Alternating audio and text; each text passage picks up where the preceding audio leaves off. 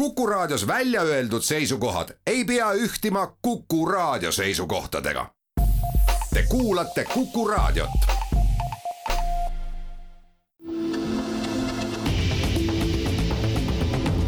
kahevahel.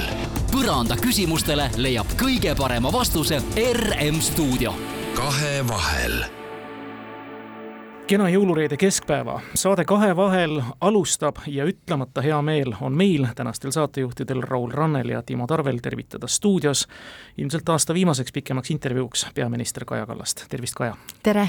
ja aitäh selle aja eest, mille te leidsite Kaja, me elame aastas, mille kahekümne neljas veebruar poolitas julmalt kaheks. ja ilmselt oli enne Ukraina sõja algust teie ja kogu Vabariigi Valitsuse ja kogu meie suurimaks eesseisvaks väljakutseks Eesti koroonapandeemiast nii-öelda väljatoomine, valutu taastumine majanduses kui ka ühiskonnas. ja nüüd on hoopis teised väljakutsed ja teadmatused, kumb need domineerivad jah, see kahekümne neljas veebruar oli tõesti noh, märgiline. eks me muidugi ju selleks valmistusime ka, aga ma siiski lootsin veel kahekümne kolmandal, et seda kõike ei juhtu, et see ei ole kuidagi võimalik, et kahe tuhande kahekümne teisel aastal äh, keegi täiemahulist sõda Euroopas niimoodi ette võtab, aga ometi see on reaalsus aga noh, seal kõrval on meil terve rida teisi väljakutseid, energiakriis, Covid ei ole kuhugi kadunud, gripihooaeg on hullem kui kunagi varem, et et paraku nende asjadega tuleb ka tegeleda ja samal ajal keskendudes nendele lühiajalistele väljakutsetele, ei tohi silmast lasta neid pikaajalisi väljakutseid, mis meil eh, riigina ka ees on. Äh, kinnitasite veel sel nädalal Ühendkuningriigi peaministri Rishi Sunakaga üle brittide hindamatut panust meie julgeolekusse.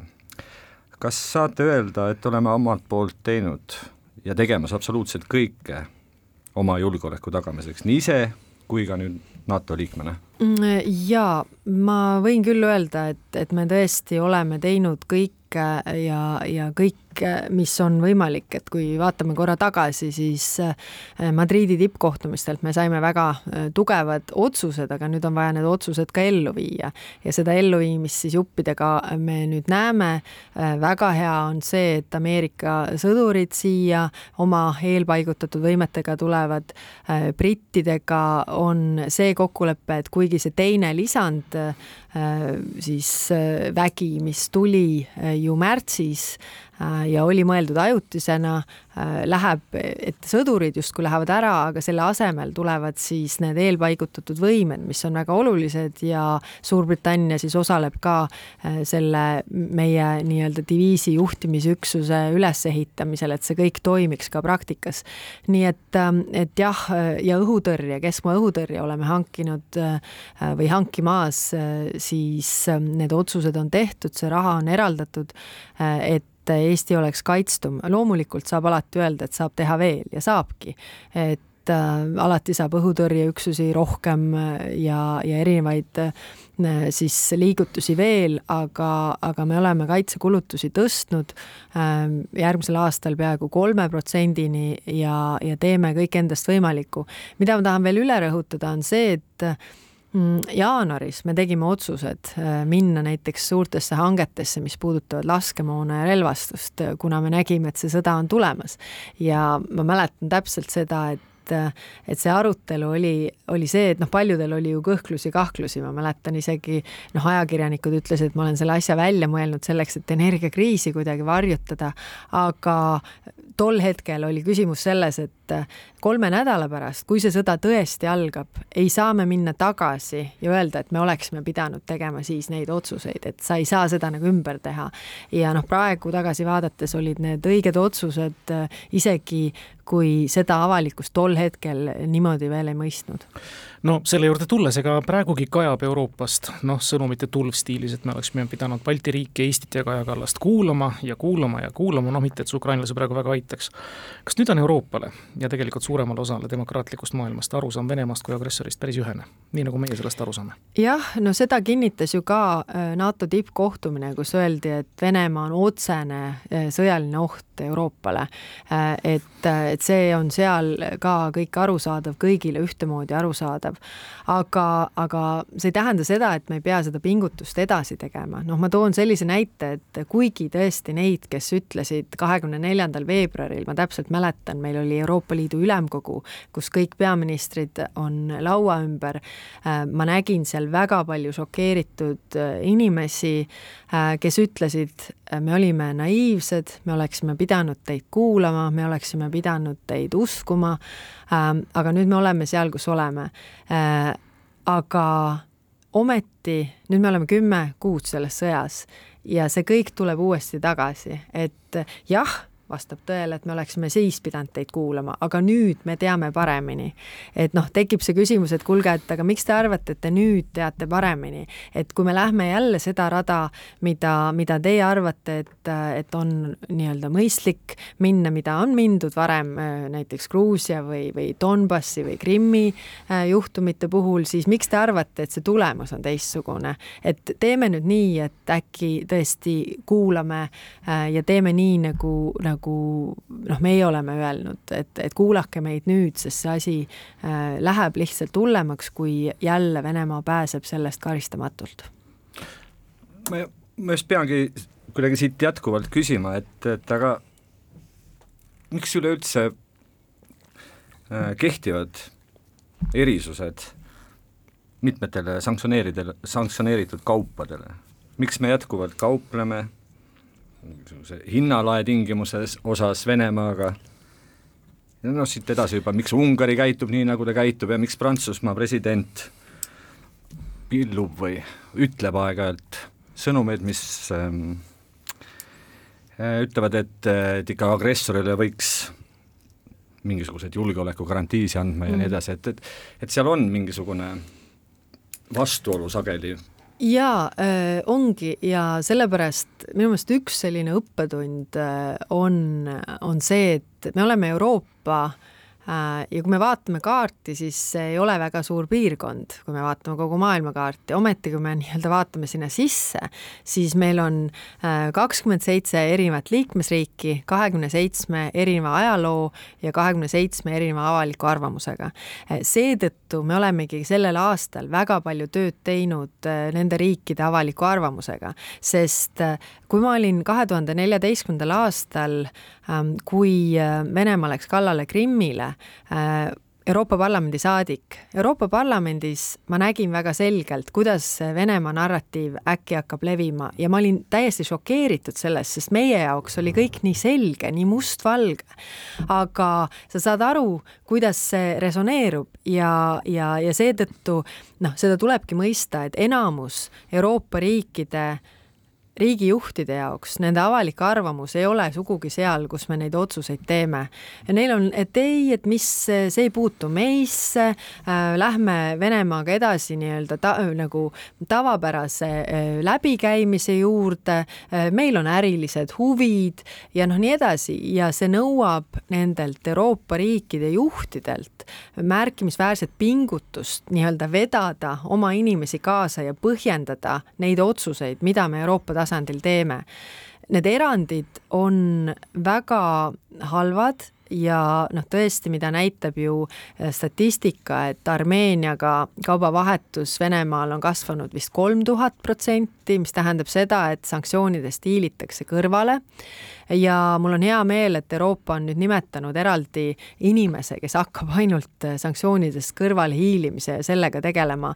et, et noh, sellele panna äh, käsi ette, jällegi Euroopa tasandil tuleb rääkida sellest, et, et me teeme ju seda selle jaoks, et see panna Venemaale nii tugev majanduslik surve, poliitiline surve, et ta selle sõja lõpetaks ja mõistaks, et, et ta ei saa siit võitjana välja tulla. aga kui kõik nihverdavad, siis sellel pole sellist efekti no absoluutselt, kõige noh, narrim asi, mida ma olen kuulnud seoses nihverdamistega, on see, kuidas Euroopa Liit on suurenenud karjalakase mm, sissetoomine, seda muide Kõrgõzstanist. seal on karjalakass kasvama hakanud ootamatul kombel. Me veame tegelikult ju meie välisministri eestvõttel ka üsna aktiivset sanktsioonide karmi poliitikat, ise järgime seda, mille eest me võitleme. Aga kuidas nüüd Euroopa kolmesaja kolmandal sõjapäeval ennast endaga haagib ja kas vähemasti relvastuse humanitaarabi jätkub endise hooga, omamoodi indulgentsina? Jällegi, kui me mõtleme puhtalt sõjalise abi peale, siis ma olen vahest mänginud selle mõttega, et kujutage ette, et kõik need riigid, kes praegu annavad Ukrainale sõjalist abi, oleksid seda andnud jaanuaris või detsembris, nii nagu meie seda andsime, või kohe veebruaris, siis ma arvan, et äh, päris palju ikkagi inimelusid oleks võimalik olnud säästa, aga noh, jällegi ei ole mõtet minna sinna, mis oleks olnud. Äh, kui lihtsalt, kui ma seda räägin, siis see on selleks, et, et noh, et ei ole mõtet venitada nende asjadega. Ähm, Venemaa sõjatööstus äh, töötab väidetavalt kolmes vahetuses. Äh, see tähendab, et neil on need varud, mis neil on olnud, äh, mis ei ole kahjuks ammendunud, isegi kui me kuuleme vahest mingeid positiivseid noote ja lisaks nad töötavad kolme vahetusega täistuuridel. see tähendab seda, et Euroopa liitlased peavad tegema sama, me peame olema valmis Ukrainale andma nii palju, et nad saaksid ennast kaitsta nii kaua, kui nad vähegi kuidagi äh, seda võimalikuks ja vajalikuks äh, peavad, et äh, see on küsimus mitte ainult ühe riigi iseseisvuses, vabaduses, vaid see on laiemalt küsimus rahvusvahelise õigusel põhineva põhinevas maailmakorras. et kui me oleme kokku leppinud, et keegi ei lähe teisele riigile julmalt kallale ega ürita teda okupeerida, siis kui keegi seda teeb, sellel peavad olema tagajärjed teeme siinkohal väikese reklaamipausi ja siis jätkame juba kahevahel saadet ühes peaministriga. kahevahel. põranda küsimustele leiab kõige parema vastuse RM stuudio. kahevahel. jätkame saadet ja oodatult siis energiateemadel mure energianappuse ja elektrivarustuskindluse pärast on ju sügisel olnud domineeriv teema ma ei tea nüüd, kas energiakandjatega peaks olema mure nüüdseks lahendatud, vähemalt äh, äh, kas tänased uudisedki ütlesid, et äh, hinnad on mõnevõrra maas, hoidlad on täis peaaegu ja kõik justkui selle talve puhul on lahendatud või siiski see on gaas. Äh, gaasi puhul tõesti on meil loodud erinevaid uusi võimalusi, seesama, äh, meil on Balticconnector, mis ühendab meid Soomega, meil on varutud gaasi Inčukalnsi gaasihoidlasse, mida me riigina ei ole varem teinud, sest erasektoril on need lepingud. Äh, meil on siis LNG terminal Soomes, minu teada ta jõuab kahekümne viiendal detsembril kohale, kust kaudu siis see gaas saab meile ka lisaks tulla. lisaks lisaks äh, oleme me ka kõik vähendanud gaasitarbimist äh, märkimisväärselt, kui ma nüüd õigesti mäletan, see oli vist kolmkümmend kaheksa või nelikümmend protsenti lausa, et Eesti on kõige rohkem, äh, minu meelest oli nendest, kui Eurobaromeetrit vaadata, gaasitarbimist vähendanud. ja see on väga palju sellest, ma arvan, tingitud, et me tegime otsused ja, ja kiirendasime protsesse, et ettevõtjad saaksid üle minna gaasilt teistele energiaallikatele, noh näiteks põlevkiviõlile. aga mis puudutab nüüd elektrit, siis elektriga on ikkagi sellel talvel väga keeruline. miks? esiteks äh, Venemaa elektrit, mida meie nii-öelda see Nord Pooli äh, piirkonda tuli tuhat kuussada megavatti, seda ei tule, äh, seda ei ole, Venemaa sealt enam seda ei anna. see tähendab, et seda on vähem. Olkiluoto tuumajaam ei ole tööle hakanud, see ei tööta, siis on Rootsis tuumareaktorid rivist väljas, meie enda Auvere pigem ei tööta, kui töötab Äh, meil on üks Estlink äh, nüüd peaks olema küll rivis juba, aga noh, põhimõtteliselt meil on erinevad äh, probleemid sellega, mis tähendab seda, et kui meil tavaliselt on olnud päris suured puhvrid äh,, tootmist on olnud nii palju rohkem kui tarbimist, siis nüüd on see puhver ainult kolm kuni kaheksa protsenti. ehk siis, kui midagi juhtub, midagi läheb rivist välja, siis elektrit on vähem, kui me tarbime äh,. nüüd äh, hea on see, et et inimesed, ettevõtted, kõik on ikkagi teinud, ka riik on teinud väga suuri samme, et elektrit kokku hoida. just eile äh, sain andmed äh, Riigikantselei kohta, me oleme ka valgustust vähendanud, toasooja vähendanud ja selle tulemusena novembris me hoidsime kokku kolmkümmend kaheksa koma kaks protsenti võrreldes eelmise aasta novembriga, mis oli soojem kui selle aasta november. nii et, et me saame kõik ühtselt teha neid pingutusi, kui ma lugesin uuringuid, et kui me suudame äh, hoida kaks protsenti elektrit kokku, siis elektrikatkestuste risk väheneb viis korda, et see on päris suur ja märkimisväärne, aga see ei ole äh, kuhugi kadunud, äh, need riskid on olemas just sellepärast, et et äh, Venemaa on ettearvamatu, ta tahab kasutada energiat meie vastu relvana, äh, mitte ainult meie, vaid Euroopa vastu tervikuna. Ja me peame olema valmis, et äh, et noh, need kõige ebareaalsemad stsenaariumid, mida, milleks me ei ole pidanud olema valmis, sellepärast need on nii ebarealistlikud olnud, siis nüüd me oleme võtnud need stsenaariumid, et mis siis, kas me oleme valmis, kui see ebareaalne saab reaalsuseks üks meie hea kolleeg pälvis hiljuti Kuldmikrofoni ja sellega kaasnes ka noh, tagasihoidlik rahani, rahaline preemia ja ta väga rõõmustas selle üle, et ta sai peaaegu et oma novembri gaasiarve sellega ära makstud, kakssada eurot jäi puudu. me ei tea, kui kõrgeks kujuneb energia hind talvel, aga vaevalt ta nüüd kõigile taskukohaseks kujuneb, et millised on need meetmed ja kauaks neid jagub eraisikutele näiteks kõrgete energiahindadega toimetulekuks ja ma küsin kohe otsa ka, mis saab siis keskmise suurusega ja suurtest ettevõtetest, jäävadki ilma? Kõigepealt äh, teie kolleegil siis peab olema ilmselt väga suur elamine või väga suur gaasitarbimine, sest et äh, me oleme ju teinud äh, selle meetme et, et kaheksakümmend protsenti hinnast tõusust, mis läheb üle kaheksakümne euro megavatt-tunni kohta, me kompenseerime kuni kaks tuhat kuussada siis ähm, kilovatti protsenti äh, selle tarbimisega, mis on suurem kui keskmine maja.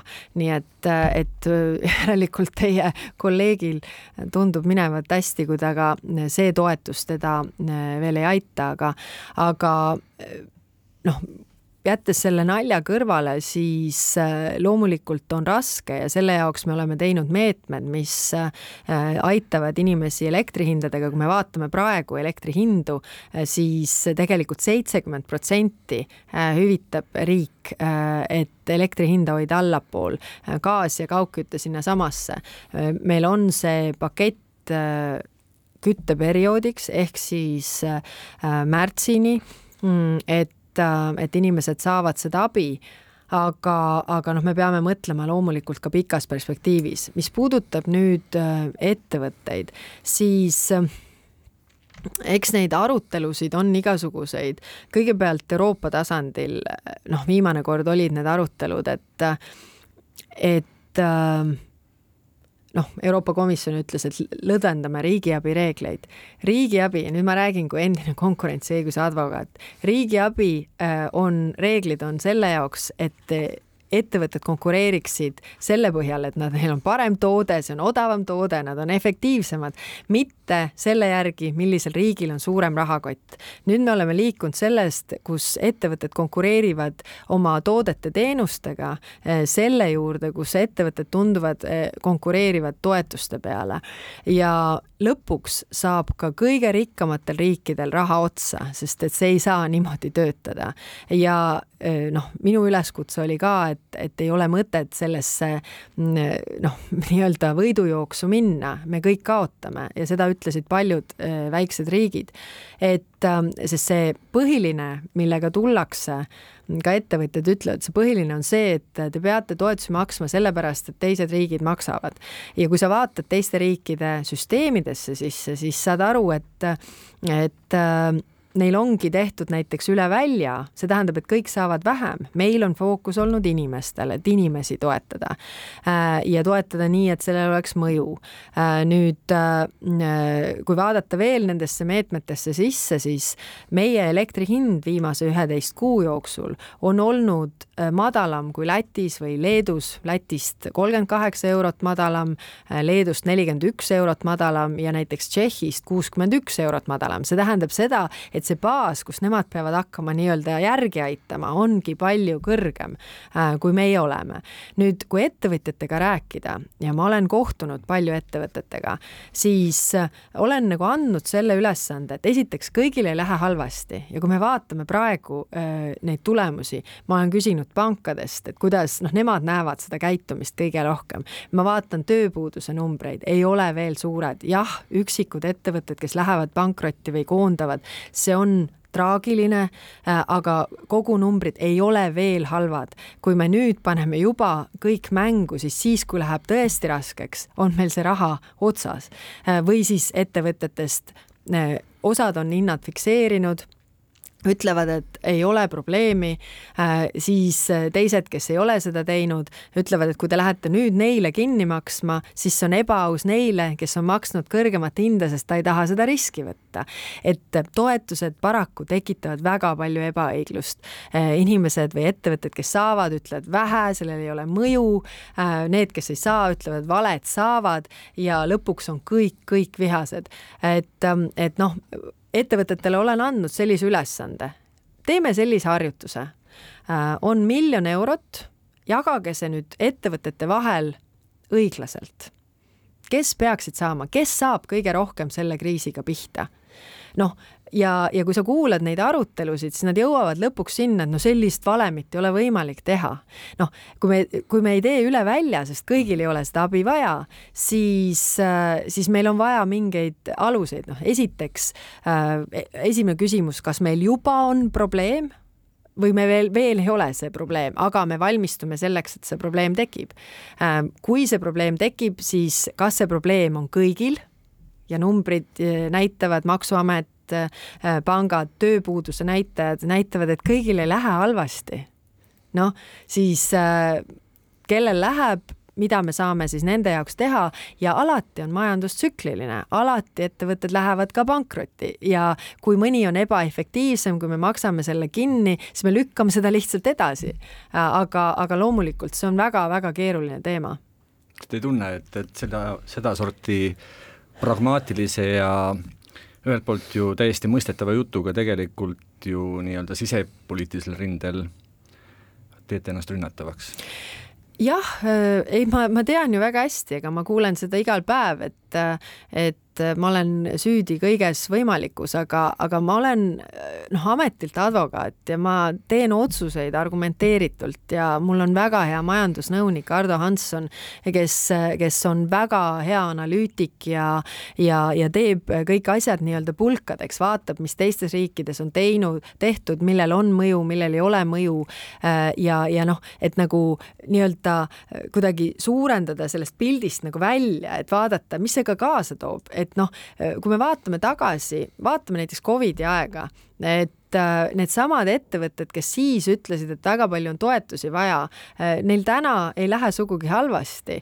Äh, et see jutt, et kõik lähevad pankrotti, ei vastanud ju lihtsalt tõele.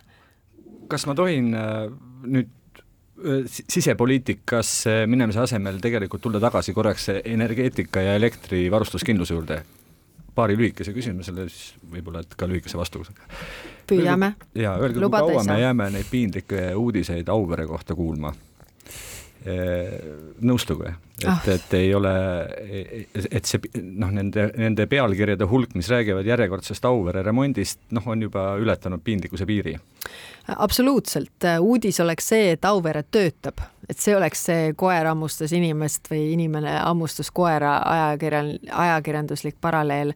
paraku jah, nii on, et äh, see, mina ei ole selle Auvere äh, nii-öelda äh, toetajate hulka kunagi eriti kuulunud ja, ja see on kestnud niivõrd kaua, et Ähm, see on absoluutselt piinlik, et äh, üks päev töötab, siis on jälle rikkis. tahaks energeetikast veel rääkida, aga enne tõmbame korra hinge reklaamipausi saatel. kahevahel. põranda küsimustele leiab kõige parema vastuse RM stuudio. Kahevahel head kuulajad, reedene Kahevahel saade jätkub täna peaminister Kaja Kallasega hea Kaja, kas lumetorm Birgiti aeg oli teil piinlik ka nende inimeste eest, kes elasid suursaartel ja kohe-kohe mõnda aega, mitut päeva ja ööd ilma elektrita? loomulikult äh, see, et, äh, et äh, elektrit ei ole ja ei ole nii pikalt, see ei peaks nii olema. Me tegelikult juba kaheteistkümnendal augustil kahe tuhande kahekümne esimesel aastal oleme valitsuses arutanud ja teinud eraldi otsuse selle kohta, et kui selgus, et, et et Elektrilevist on ära viidud kompetentsid, ressursid, ähm, siis me oleme teinud sellise otsuse, et Eesti Energia aktsiaseltsi osaluse valitsejana rahandusministril tagada, et Eesti Energia aktsiaseltsi kontserni kuuluval Elektrilevi OÜ-l oleksid ettevõtte sees piisavad ettevõttesisesed kompetentsid, ressursid ja töötajad sõltumatu jaotusvõrgu ettevõtjana toimimiseks, sest et noh, see, see nagu õnnetus selles mõttes karjus seal ka tulles. Ja, ja noh, need korraldused said antud, et et kui tõesti need kõik inimesed olid kuskile Enefit, ma ei mäleta, Powerisse ümber tõstetud ja Elektrilevis justkui ei olnudki, siis, siis noh, need asjad ei saa ju niimoodi Äh, toimida, aga noh, see on ta noh, ütleme, ma ei saa öelda, et see on tagantjärgi tarkus, ma saan öelda, et, et me juba siis nägime neid ette, andsime korraldusi, et tehke see korda, sellepärast et need investeeringud peaksid minema just nendesse jaotusvõrkudesse, äh, nende tugevdamisse ja nii edasi, et väga halb on kuulda, kui ei suudeta rikkeid parandada, sellepärast et liinikoridorid on hooldamata, et seal on võsa ja ei pääseta lihtsalt ligi. noh, nüüd kõik need parandused, mis tehakse, vahetatakse nii-öelda nende isoleeritud äh, siis äh, juhtmete vastu, mis peaksid toimuma nii, et kui puu sinna peale kukub, et siis ta ei lähe kohe lühisesse. Äh, et et see peaks seda ikkagi muutma tormikindlamaks, kogu seda, kogu seda võrku. aga ma saan aru, et te siiski võtate omaks presidendi leebe kriitika tegev võima suhtes, et kui ta noh, osutas, et et see on ikkagi kobarkäkk kokkuvõttes. noh, alati on, vot presidendil ja kõigil on jube hea, kes ise neid otsuseid ei pea tegema, on alati jube hea siis muidugi näpuga näidata, et sellega me oleme muidugi ka harjunud. Äh, aga, aga tõesti noh, peaminister isiklikult ei käi parandamas, ei käi vaatamas, kas valitsuse korraldusi, mis on antud augustis, täidetakse. et, et siis, kui need jamad juhtuvad, siis selgub, et ei ole täidetud, et noh, täitevvõim on ikkagi see, et meie anname korraldusi ja ise liine ei paranda või ei asenda või ei, ei, ei inimesi ei, ei värba.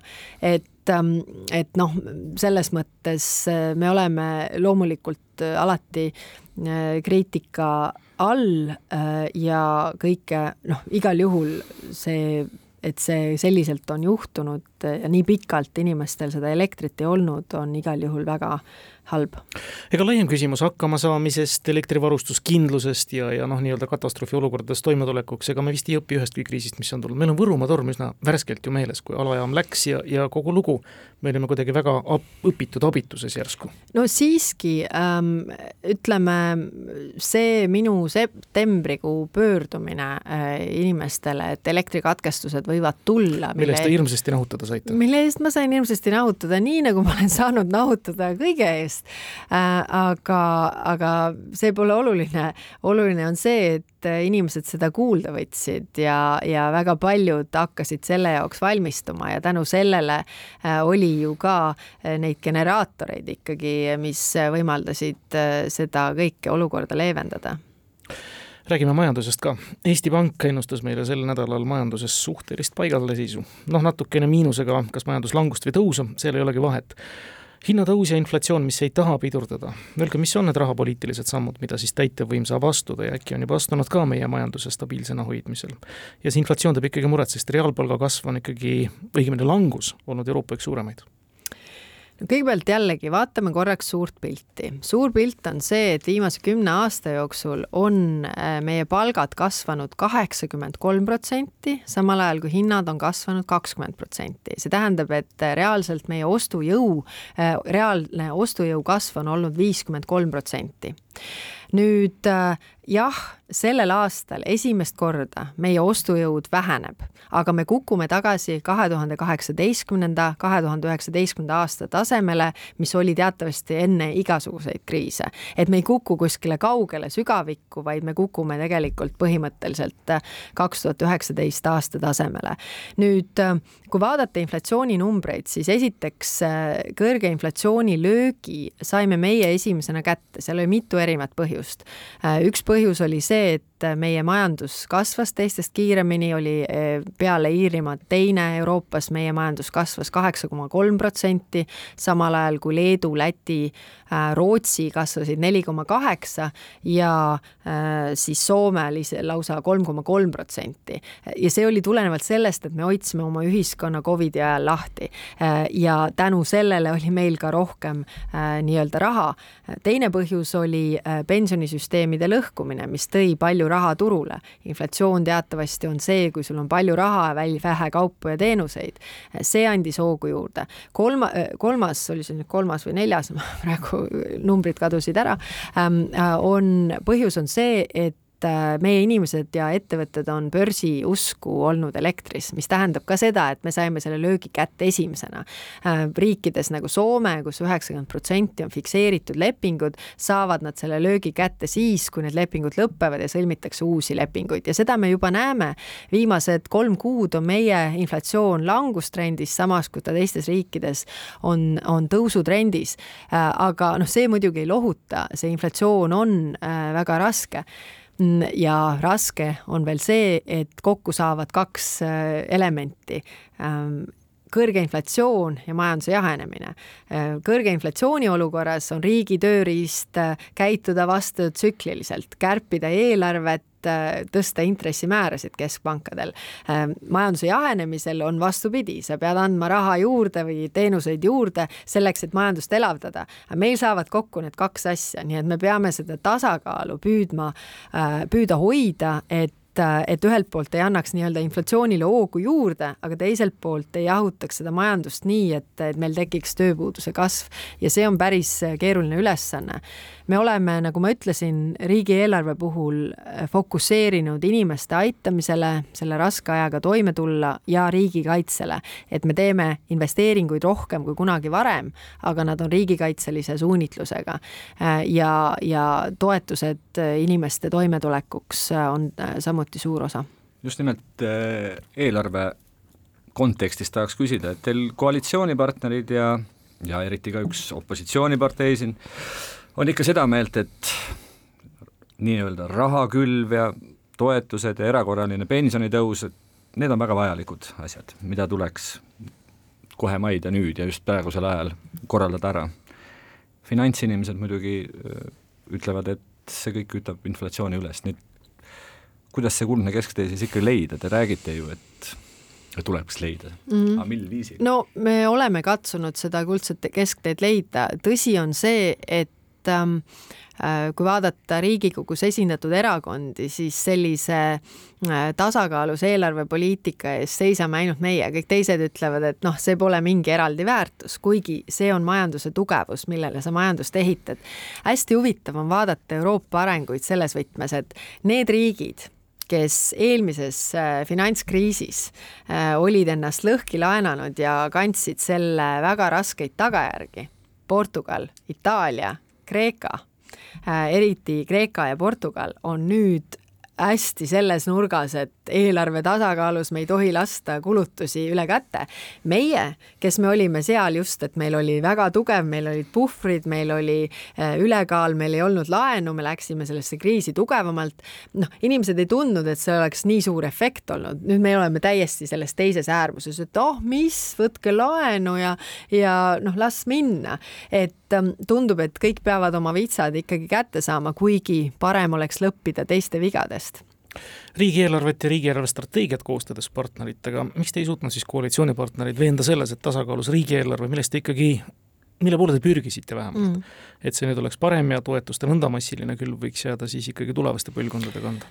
Äh, no me, kui vaadata kogu seda pilti, äh, siis äh, nagu ma ütlesin, me oleme noh, olime üsna üksi selles, meie, meie teisel pool ei olnud mitte ainult koalitsioonipartnerid, kes seda äh, juttu ajasid, et see tasakaal pole väärtus iseeneses või pole mingi väärtus, vaid äh, seal olid ka kõik opositsioonierakonnad, et noh, põhimõtteliselt äh, me oleksime võinud olla üksi opositsioonis, nii-öelda seista lõpuni selle eest või siis me oleme koalitsioonis ja üritame nii-öelda hullemat ära hoida, et oleks noh, see valitsus saanud moodustatud Keskerakonna, EKRE, Isamaa vahel, siis neil ei oleks olnud absoluutselt mingeid piire, et et noh, nüüd meie oleme küll need, kes, kes seda kuidagi piiridesse üritame suruda, aga ma ütlen ka, et ajastu on muutunud, esiteks on tõesti inimestel on raske ja ettevõtetel on raske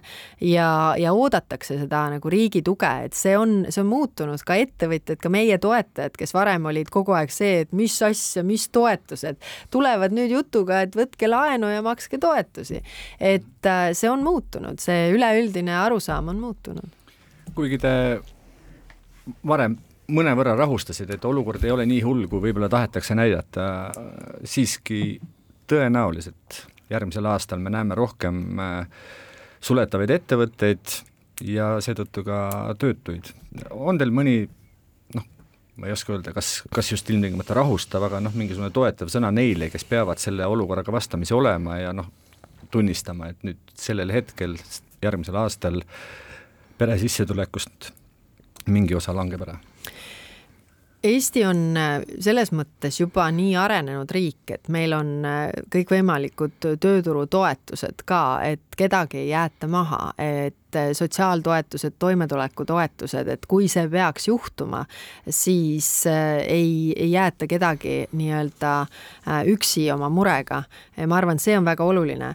loomulikult me monitoorime ja ma olen teiega nõus, et et, et järgmisel aastal seda majanduse jahenemist näeb veel ja seda peamiselt seetõttu, et üleüldiselt maailmas on ebakindlus ja see tähendab, et tellitakse vähem, ehitatakse vähem äh, ja, ja kuidagi noh, see ongi äh, sellega seotud äh, ja see võib tähendada noh, Eesti ettevõtetele samamoodi tellimuste kadu ja, ja inimeste koondamise vajadust, aga, aga noh, hetkel, hetkel, kui vaadata jah, hetkel me seal veel ei ole. et ma ei ütle nii, nagu, nagu äh, siin on palju tsiteeritud, et kui see on kriis, siis selles kriisis ma tahangi elada, aga noh, kõik need märgid on tõesti selles suunas, et rasked ajad tulevad. Äh, ja, ja me selleks ka valmistume, aga miks ma just ütlen, et kui me äh, praegu, kui veel ei ole raske, äh, kulutame ära kõik varud, siis, siis kui on tõeliselt raske, neid varusid enam ei ole. noh, ma näiteks toon tööpuuduse, et kui vaadata tööpuuduse numbreid, siis selle selle aja jooksul, kui, kui meie oleme olnud valitsuses, on töö Äh, hõive kasvanud kaheksa protsenti, et töökohti on tegelikult tulnud palju juurde. ja nüüd, kui vaadata tööpuuduse numbrite sisse ja kui me lahutame sealt maha ajutise kaitse saanud ukrainlased, kes on ennast töötuna arvele võtnud, siis tegelikult äh, seal tuleb, et äh, koondatud või töötuks jäänud on kuskil tuhat inimest lisaks sellele, et see ei ole märkimisväärne kasv veel Äh, aga, aga loomulikult seda kõike äh, tuleb väga selgelt silmas pidada. mulle tundub, ettevõtjatega rääkides ka on väga palju seda, et, et no öeldakse, et minul ei lähe halvasti, aga et, ähm, et noh, see tunne on nii nagu teil on see tunne, mul on samamoodi see tunne. kui ma vaatan numbritele otsa, siis need ei kinnita seda veel. siinkohal väike reklaamipaus ja siis jätkame saadet. kahevahel põranda küsimustele leiab kõige parema vastuse RM stuudio. kahevahel head kuulajad, viimane neljandik meie jõuluteelsest viimasest Kahevahel saatest ühes peaminister Kaja Kallasega. tänasest on Riigikogu valimiste päevani seitsekümmend kaks päeva ja veel vähem seda aega, kui me saame eelvalida ja e-valida. see on ideaalne aeg alustamaks ise tegemaks juba ka kampaaniat, aga paraku varjutavad ideid ja debatte julgeolekuolukord ja hirm ebakindla tuleviku pärast. Öelge, kas seda päris debatti nüüd teie hinnangul saab nüüd järgmine seitsmekümne kahe päeva jooksul ka tegelikult kuulda ja näha, kus me räägime sisulistest ideedest, saame kokku ja oleme viisakad üksteise suhtes mm.? no täna, kui me seda saadet salvestame, ehk siis äh, kolmapäeval, äh, meil oli just juhatuse koosolek, kus me käisime üle oma, oma programme ja meil on äärmiselt äh, põnevaid ideid ja, ja väga põhjalik programm tulemas. et ma tõesti väga loodan, et me saame nende ideede üle äh, ka arutleda, sest nagu ma ütlesin, samal ajal kui me tegeleme nende lühiajaliste kriisidega, me ei saa silmist lasta seda pikaajalist vaadet, et kuhu Eesti on liikumas, millist Eestit me tahame, milline on see Eesti majanduse tulevik, millised on need ideed, mis meid edasi viivad, minu meelest see on ülioluline.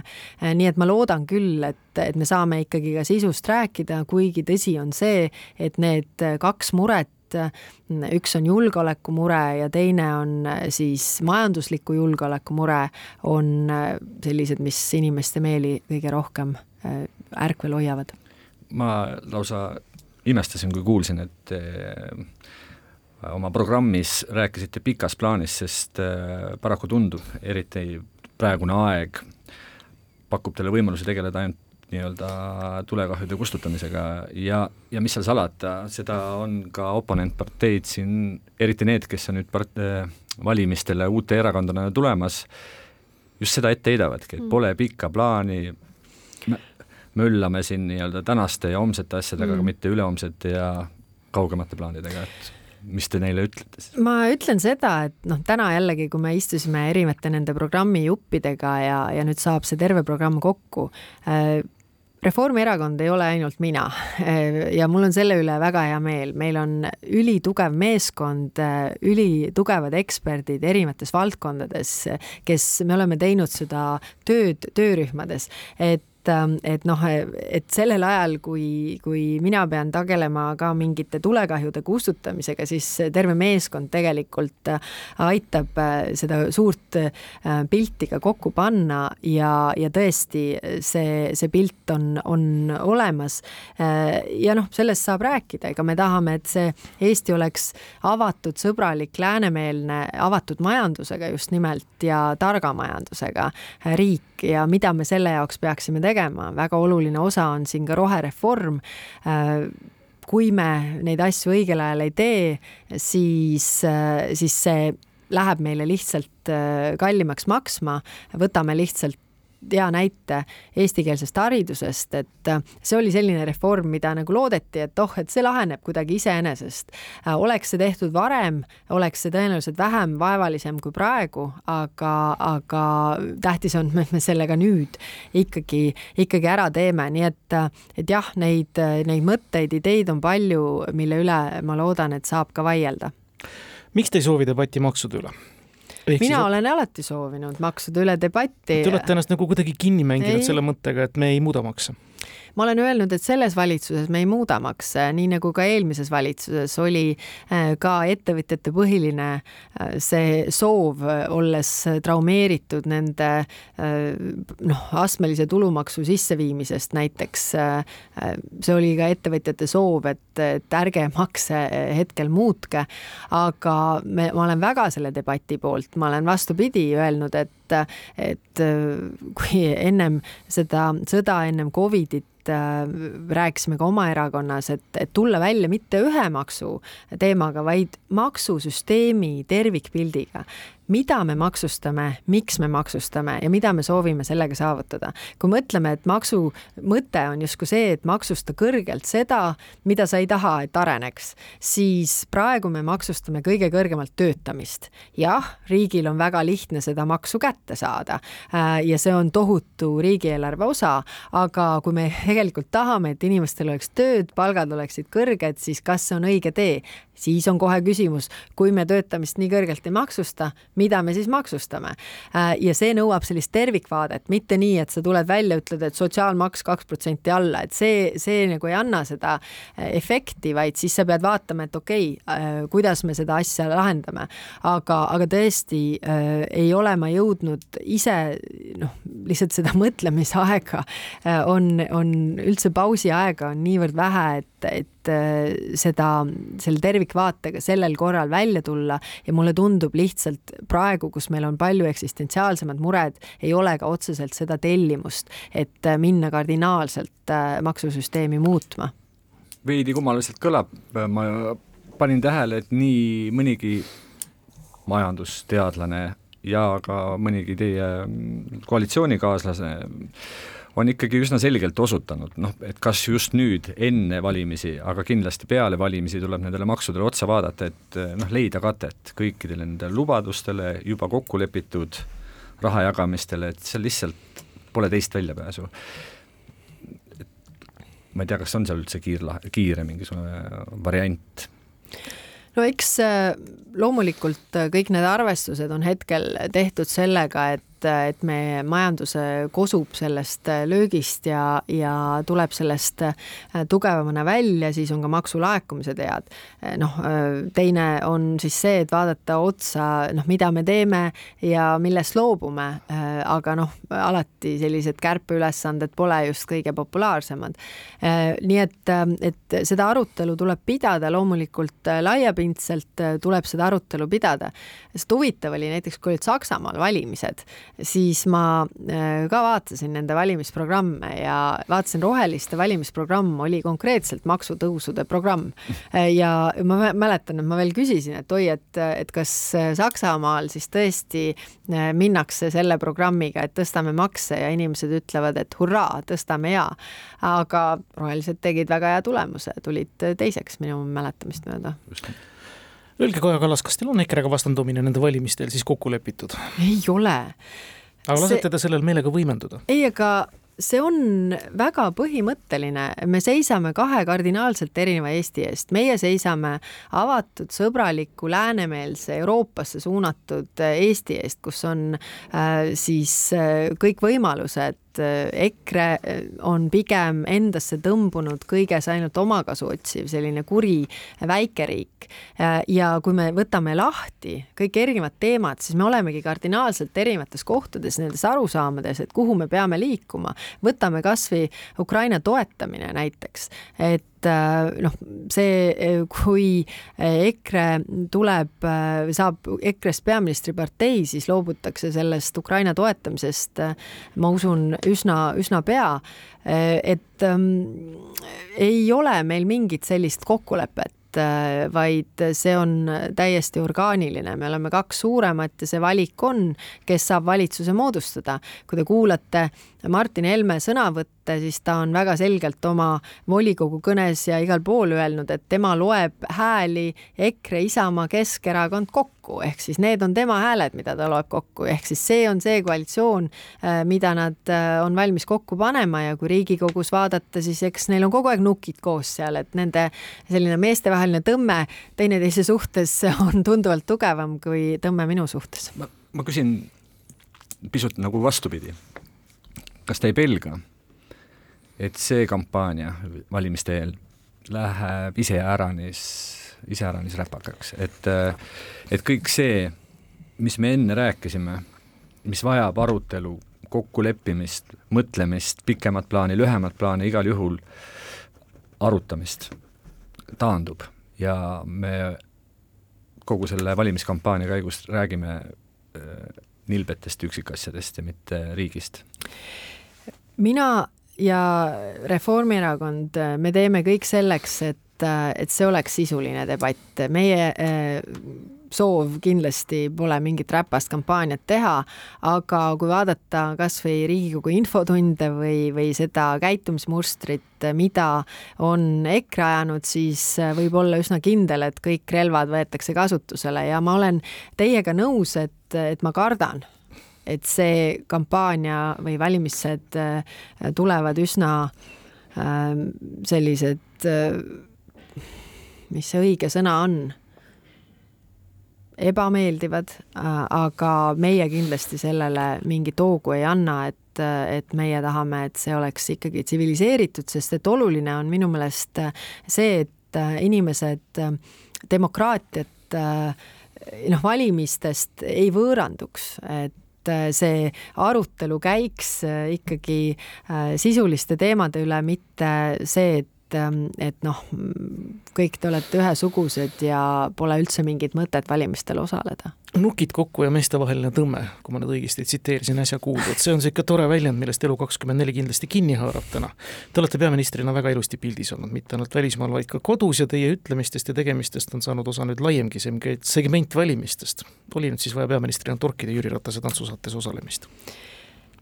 Ma väljendasin seda tunnet, mis minul abikaasana tekkis, kui ma vaataks oma abikaasat äh, niimoodi teise naisega äh, ütleme lähedalt suhtlemas, aga ma olen, äh, see oli ebaõnnestunud väljaütlemine, ma olen selle eest ka vabandanud, et, et aga see oli jah, minu isiklik tunne, et võib-olla see on äh, minu jah, viga, et hästi pikad päevad, Kaja Kallas, kuidas te vastu olete pidanud enda teie perekonda? Eks ta keeruline on, aga ei ole aega sellele mõelda, et, et need päevad on tõesti nii pikad, et, et ma üks hetk tajusin, kus ma pidevalt eksisin nii-öelda ajamääratluses, et ütlesin, et noh, et see oli eelmisel nädalal ja siis keegi ütles, et ei, et see oli kaks päeva tagasi. ja ma mõtlesin, et kuidas see saab niimoodi olla, et et ma ei suuda panna nii-öelda näppu peale, aga lihtsalt sellel põhjusel, et kuna ühes päevas sul toimub nii palju äh,, siis see päev tundub palju pikem, kui see päev tegelikult on no igaks juhuks ütleme, et homme on jõululaupäev aitäh teile, Kaja Kallas, seda aega leidmast ilusat aega teile, kogu Vabariigi Valitsusele, teie perekonnale! aitäh, teile ka ilusaid jõule! kahevahel. Põranda küsimustele leiab kõige parema vastuse RM stuudio. kahevahel